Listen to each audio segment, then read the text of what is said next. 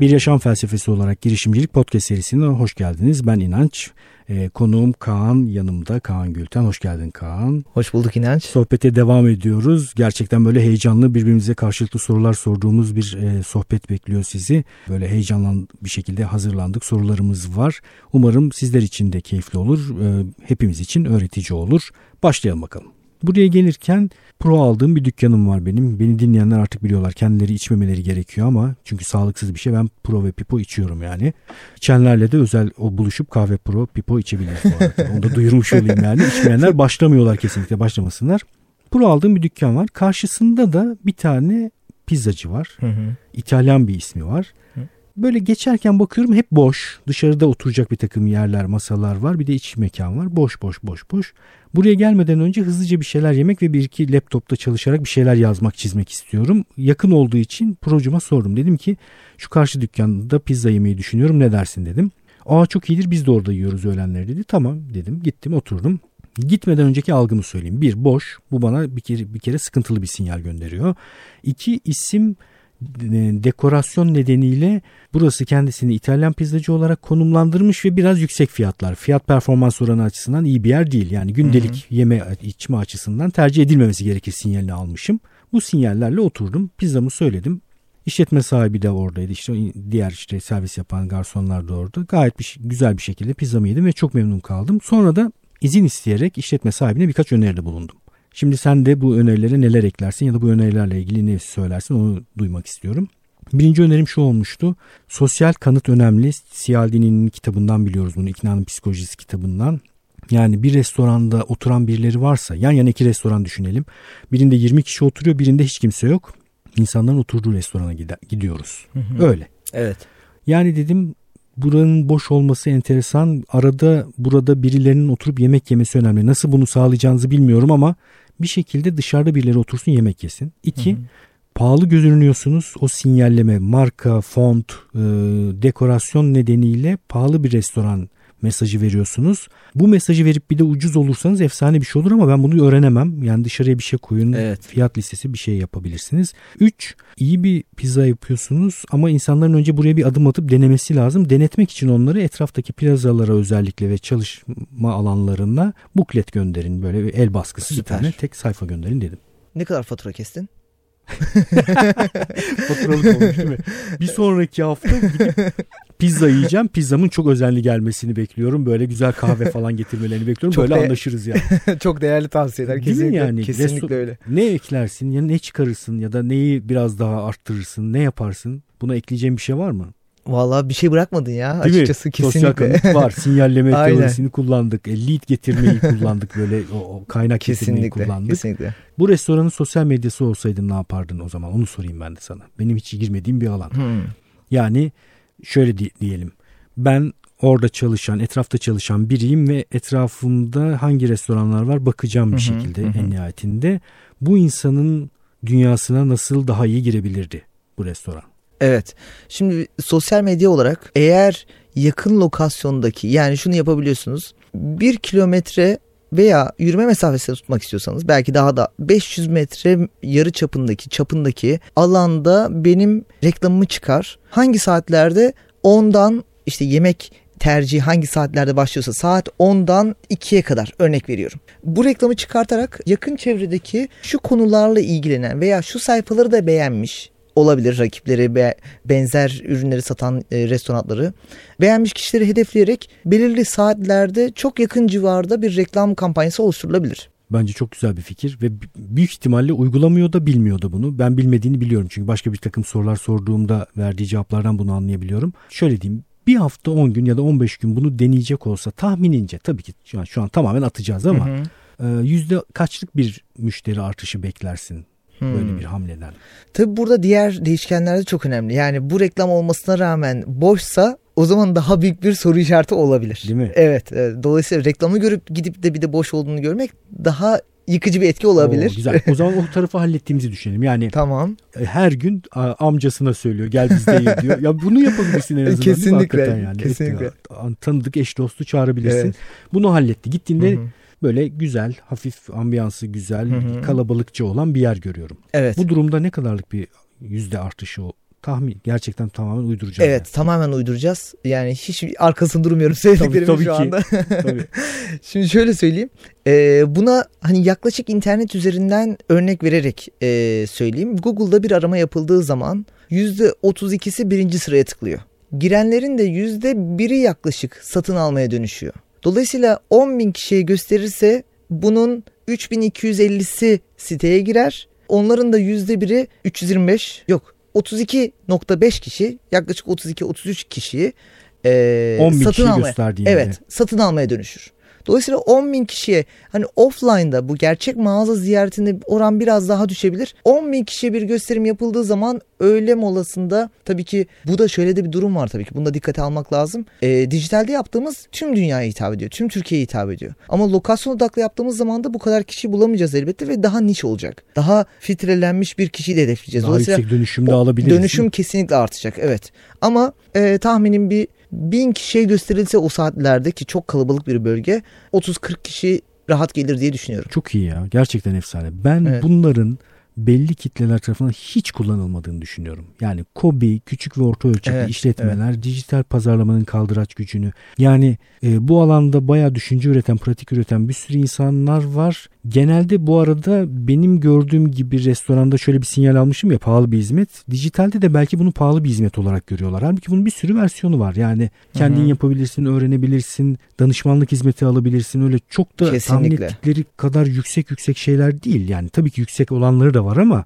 kendi e, ihtiyacına göre ve kendi bütçesine göre böyle bir hizmet bulabilir. Çok Evet. yüksek bir kaldıraç gücü var ve kullanılmadığını düşünüyorum. Çok doğru. Şimdi ticari olarak da ben şöyle bir değerlendirmede de bulunayım. Genelde yapılan hatalar veya yapılan iyi kararların etkisi ticari anlamda, ekonomik anlamda e, geri dönüşü kısa vadede gerçekleşmez. Dolayısıyla bunların sebebi genelde farklı şeylere de bağlanabilir. Yani çözüm arayış veya bir çözüm bulunduğu zaman da bunun etkisi kısa vadede görülmez. Belki sosyal medyada bir kez görüldü gelmedi, ikinci kez görüldü gelmedi, beşinci kez de gelmeye başlar. Dolayısıyla e, bunların da birçok şeyin de istikrarlı ve sabırlı bir şekilde denenmesi de gerekiyor. Sonuç almak için aynen o pilotun terk etmemesi gerektiği gibi Kesinlikle. biraz devam ettireceksin. Kesinlikle öyle. Sonra da dönüşleri takip edeceksin. Çalışıp çalışmadığını göreceksin. Şöyle bir değişiklik yapalım. Bu kadar bo- soru bombardımanına tuttum seni ve çok da güzel cevaplar verdin. Sen bir şey sor desem şimdi aklına gelen. İstediğin her şeyi sorabilirsin. Çünkü Oo süper. girişimci kafası şu anda Instagram'da kaç, kaç takipçiniz var? 250 bin civarı. Evet, Ben evet, baktığımda evet, değil mi? 250 bin 250 bin civarı takipçi var. Tonla soru geliyor. Aynen. E, mentorluk da yapıyorsun sen. Hı hı, E, hı hı. Mentörlükten de gelen sorular vardır. Bu şimdi de sen sor. Ne Süper. istersen sorabilirsin. Cevabını almak şartı almak almak şart olmamak şartıyla. süper süper. Ee, şimdi girişimciler her yerde kriz vardır. Ekonomik kriz olabilir, müşteriyle bir sıkıntı olabilir, çalışanla olabilir, ekiple olabilir, ortakla olabilir. Ee, her zaman bir girişimci bir sıkıntıyla, krizle karşılaşır. Krizleri aşmak için yani bunu aşmak yola devam etmenin en önemli parçası aslında en önemli gereği. Krizlerle karşılaşıldığı zaman ne yapmak gerekir? En doğru yol nedir? Hemen aksiyon almak mı? Beklemek mi? Ne düşünebilir ve nasıl bir yol izlenebilir? Her tür krizden mi bahsediyoruz? Yani belli bir özel kriz tipi değil. Genel söyledim ama spesifik değinmek istediğim varsa Ha olur. onu da Her iki türlü de ya da bakabiliriz. Güzel, çok güzel bir soru. Çünkü gerçekten girişimcinin hayatının bir parçası kriz dönemleri. Şunu biliyoruz. Yüz, yüzme öğrenen biri olarak ben bayağı iyi biliyorum artık. Yüzme öğrenmeye kalkışmış ve tamamen öğrenememiş biri olarak diyelim. Bizi dinleyen yüzme hocası varsa kendisine büyük bir e, meydan okuma olarak e, bir buçuk iki ayda benim yüzmemi hiç düzeltemeyeceğini söylüyorum burada. Şunu biliyoruz panik yaptığın anda batarsın boğulursun Hı hı. daha çok batarsın.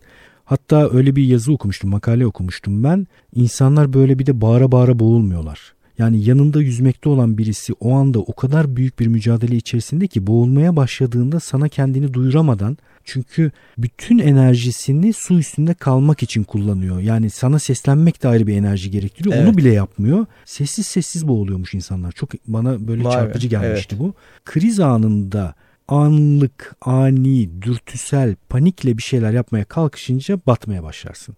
Girişimcinin bir kere soğukkanlı olması, berrak bir zihinle meselelere bakmaya çalışması ve dürtüsel olmaması gerek. Çok Çok, doğru. zor bu arada. Çok dürtüsel doğru. olmamak gerçekten çok zor. Çok Hele doğru. ki e, birlikte çalıştığın insanlarla kurduğun ilişki açısından falan bakacak olursan meseleye yani insani ilişkilerde dürtüsel olmamak iyice zor. Ama Hı hı. yapabiliyorsan çok yüksek kaldıraç gücü var. Orada benim ilk önerim bu olacaktır. Yani sakin kal ve berraklaşmaya çalış. Hı hı. Berraklıktan kastım da şudur. O krizi anlamak üzere anlamaya çalış. Krizi bir noktadan yaşıyorsun sen. Bir tarif görüyorsun. Bu tarifin dışında başka ne bulabilirim diye etrafında dolaş.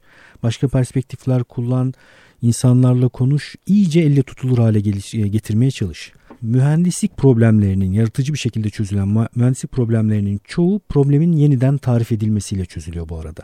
Yani mühendisliğin büyük bir kısmı aslında size problem olarak sunulan şeyi anlayıp aslında doğru problemi oranın içerisinden çıkarmaya çalışmaktır. Benim eğitim ve danışmanlık deneyimlerimde de aynı şeyleri yaşamışımdır hep. Müşterinin istediğini alırsın, senin masana getirdiği şeyi ve konuşarak, anlamaya çalışarak asıl probleme ulaşmaya çalışırsın. Kriz için de aynı şeyi önereceğim. Soğukkanlı ol, panik yapma, perspektif değiştirerek, zihnini berraklaştırmaya çalışarak, mümkün olduğunca çok veri toplayarak problemi en basit karmaşık olmayan haline kadar tarif et. Sonrası zaten aksiyon almak olacaktır. Süper. Kesinlikle çok e, ışık tutucu bir cevaptı. Çok teşekkürler. Ekleyeceğin bir şey var mı krizle ilgili? ekleyeceğim şeyler kendi deneyimlerim Aha, tabii ki. var içerisinde ama dediklerinin birebir aynısı. Değil yani mi? Türk insanı olaya şöyle bakıyor. Bir sorunla karşılaştığı zaman çekilin abi ben hallederim. Evet. yani olayın Açılın üzeri... ben dokunurum. Aynen. Olayın üzerine atlama şeklinde bir aksiyon alıyoruz biz maalesef. Yani Ya böyle ben bir tane video izlemiştim. Kamyonunu devirmişler adamın. Onu anlatıyor. Ya ben söyledim Allah. çamura yatılmaz bilmem ne olmaz. Türkiye'de seni ölüme götürürler gerçekten. evet, hallederim evet. diyerek. Kesinlikle öyle. O yüzden ana sıkıntı şu. Ya hemen çözerim, hemen hallederim demek gerçekten sıkıntıyı büyütüyor. Serin kanlı olmak, sakin olmak çok çok önemli. Çünkü ilk akla gelenin şunu bilmesi lazım daima. İlk akla gelenin en iyi çözüm olmama ihtimali çok yüksek. Sakin kalınırsa, soğuk kanlı olunursa çok fazla ha şöyle de yapabilirim, böyle de yapabilirim. Bunu bizzat yaşadım ilk krizlerde anında reaksiyon alıyorum. Krizi büyütüyorum. Daha çözülemez Tabii. bir hale getiriyorum. Benzin döküyorsun değil mi? Yalan Aynen öyle. Üzerine. Yani bu, o noktada kendimi e, dizginlemek dünyanın en zor şeyiydi. Bazen şöyle oluyor bu arada. O da önerilir. Nerede okudum hatırlamıyorum ama bazı şeyler de dokunmadığında kendi kendine halloluyorlar. Aynen. Biraz sabredersen yani. Kesinlikle öyle. Onu da yaşadım. Evet. Kendi akışına bıraktığın zaman da çözülüyor. Ya bir kere şunu bilmek gerekiyor bakış açısı olarak biz herkes şu anda dinleyen herkes de mutlaka e, hayatında çok büyük bir kriz, sıkıntı, vaka, sorunu atlatmıştır. Yani şu anda bunun acısını yaşamıyordur, hissetmiyordur bile. Dolayısıyla şöyle düşünürsek eğer bundan sonra da neyle karşılaşırsak bir gün geçecek. O zaman bunu olabildiğince hafif hasarla atlatmak gerekiyor. Yani bunu çok fazla kafaya takmamak gerekiyor. E, zamanın geçmesini ideal şekilde zamanın geçmesini sağlamak gerekiyor. Bu şekilde yaklaştığımız zaman gerçekten her sorunun atlatıldığını, çözüldüğünü ee, İlk yardımın önemli ilkelerinden birisidir bu arada bu. Var olan durumu daha kötü hale getirmemeden. Değil mi? Evet. Yani hiçbir şey yapmamak en doğru ilk yardım olabilir bazı durumlarda. Evet, evet. Yani bizim biliyorsun yani yine devrilen arabalardan karga tulumba çıkarılan insanlar maalesef, vardır ya. Maalesef. Hiç dokunmasan evet. daha iyi yani. Kesinlikle, kesinlikle. Ee, kriz için o zaman önereceğimiz şey olarak bu soğukkanlı. Bazen bırak kendisi çözülür, kendisi aynen, çözülsün aynen. ya da bırak kendini daha iyi tarif etsin, anlatsın yani. İnsani ilişkilerdeki krizlerde de benim her zaman kullanamadığım ya da kullanmadığım ama arada bir kullandığım şöyle bir şey var. Benim kendi gelişimim açısından iyi olan bir yöntem kendimi bir sürtüşmenin, çatışmanın içerisine bulduğumda bulduğum bazen buluyorum ve davranmayacağım bir şekilde davranıyorum. Yani normalde benim yapmayacağım bir şeyi yapıyorum. Normalde benim söylemeyeceğim bir şeyi hı hı, söylüyorum. Hı. Kendi açımdan biraz kendimi ters köşeye yatıracak bir eylem yapıyorum. Hı hı. Ve muhtemelen o da benim her zaman yaptığım kendi anlayışıma, davranış kalıplarıma aykırı bir şey oluyor. Buranın da zenginleştirici bir şey olduğunu düşünüyorum. Yani hep kullandığın repertuarın dışında hı hı. oraya bir şey getirmek bir enteresan nefes sağlayabiliyor, soluk sağlayabiliyor. Kesinlikle, kesinlikle. Bunun tabii insanın kendisini öğrenmesi, kendisini geliştirmesi için bunları da denemesi de gerekiyor. Kendini keşfetmesi de gerekiyor. Bazen sürekli uyguladığı modelin onu da mutlu etmediğini de görebiliyor. Farklı bir modelde deneyerek, farklı bir yanıt vererek, farklı bir iletişim kurarak. Dediğin çok doğru. Bunları da denemek, görmek lazım. Bazen karşı tarafa hak vermek, evet doğru benim hatam demek. Bazen çok daha hızlı çözüm ve çok daha tatmin edici. Kendi adına da tatmin edici olabiliyor. Bunların da farkına varabilmek lazım bence de. Evet. Bazı durumlarda böyle karşılıklı pimpon topu gönderiliyor ya. Bazen raketi çekip dokunmuyorsun. Top böyle düşüyor pıt pıt pıt pıt pıt pıt pıt sönerek gidiyor yani. Çok doğru. Pimpon demişken de aklıma geldi. Ekipte çokça oynuyoruz biz. Her Öyle mi? her öğle molasında aynen. Ee, bir gün çıktık. Ee, Sezai'ye de selam olsun buradan. Dedi ki abi dedi e, bugün seni dedi bugün ne Bugün seni yenmeyi düşünüyorum mu dedi. skorda ne olacak dedi. Sence nasıl bitecek dedi. Sezer sen beni yeneceksin dedi. Şaşırdı. Hadi ya dedi. Normalde tam tersini bekliyor. Alışmış. Dolayısıyla cevap olarak bile egomu orada bastırıyorum. Tamam dedim sen beni yeneceksin. Yani Çok bu- enteresan değil mi? Ben- Karşılıklı pimpona dönmüyor olay. Yani aynen aynen. Bir şey diyemiyor ondan sonra. Çok bu cevabı beklemiyordum diyor. Çok seviyorum öyle anları. Öbür türlü bir, bir şekilde işte şakalaşarak tabii Aynen. ki karşılıklı sürtüşmeye belki gireceksiniz ama böyle Aynen. enteresan bir şey yaşamışsınız. Kesinlikle. Peki var mı başka soru bu arada aklına gelen? Yok. e, Şu anda soruları tamamladık. Benim de Tamam. aklıma gelen şu anda soru yok. Sadece bir tane daha hı. genel bir soru soracağım ve sonra tamamlayacağız. Öğrenmek için kullandığın, yoğun kullandığın kanallar neler? Yani nasıl öğreniyorsun? Ya da nasıl öğre- öğrenme yaklaşımın nedir? Ee, evet. Sık ve çok öğreniyorsun eminim bu Evet. işin içerisinde biri olarak. Evet. Dijital pazarlama alanında da alan ve alan dışı olarak soruyorum. Hmm. Kişisel gelişim de katabilir, Hepsi. sektörel de katılabilir. Evet. Ya çok belki ütopik gelecek ama çok fazla okumaya vakit ayırabildiğimi söyleyemem. Maalesef çok büyük bir eksiklik. Bunun kesinlikle. Dinliyor musun? Kitap dinliyor musun? Audio çözümlere başvurdun Ee, mu? bunlara başvurdum. Ee, çok heyecanlı gelmedi Hı hı. ee, maalesef. Ama tabii ki kullandığım kaynak itibariyle oldu diye düşünüyorum. Yoksa çok e, inanılmaz zaman kazandıran bir şey. Kesinlikle kullanılması lazım. Hayatımda oraya doğru gittiğini öngörüyorum. Çünkü direksiyonda bile kitap okuyabilmenin audio kitap ile birlikte bu imkana sahip oluyoruz. Çok büyük bir avantaj olduğunu düşünüyorum Bazı günümüzde. türlerde ben çok iyi verim alarak dinleyebiliyorum. Yani her kitap için önermiyorum tabii hı. ki ama özellikle iş dünyası ile ilgili kuramsal hı. kitaplarda dinlemek bir öğrenme yöntemi olarak benim de kullanabildiğim bir yöntem. Süper, süper. Ben genelde çok iyi gözlem yapmaya çalışıyorum. Yani öğrenmenin en iyi yollarından birisinin gözlem olduğunu düşünüyorum. Çünkü rakip olarak bir çok büyük bir markanın yaptığı bir pazarlama stratejisi varsa bunu ben kendi şirketimde nasıl kullanabilirim diyorum. Hmm, yani güzel. dünya markasının yaptığı bir iş varsa bunu nasıl evirebilirim? Ee, dolayısıyla karşıma çıkan herkesten yaptığı bir şey eğer beni cezbediyorsa ben mesela çok hiç tahmin edemeyeceğiniz farklı sektörlerde farklı işleri yapan arkadaşlarımdan çok fazla şey öğrendim. Yani sakin kalmak, hayatla dalga geçmek, eğlenmek, stressiz yaşam mesela hani bunların çok büyük artıları oldu bana. Marka ve pazarlama noktasında çalıştığım firmaların, büyük markaların incelediğim, takip ettiğim şirketlerin yani mesela çok basit bir örneğini vereyim. Marka söyleyebiliyorduk Tabii galiba.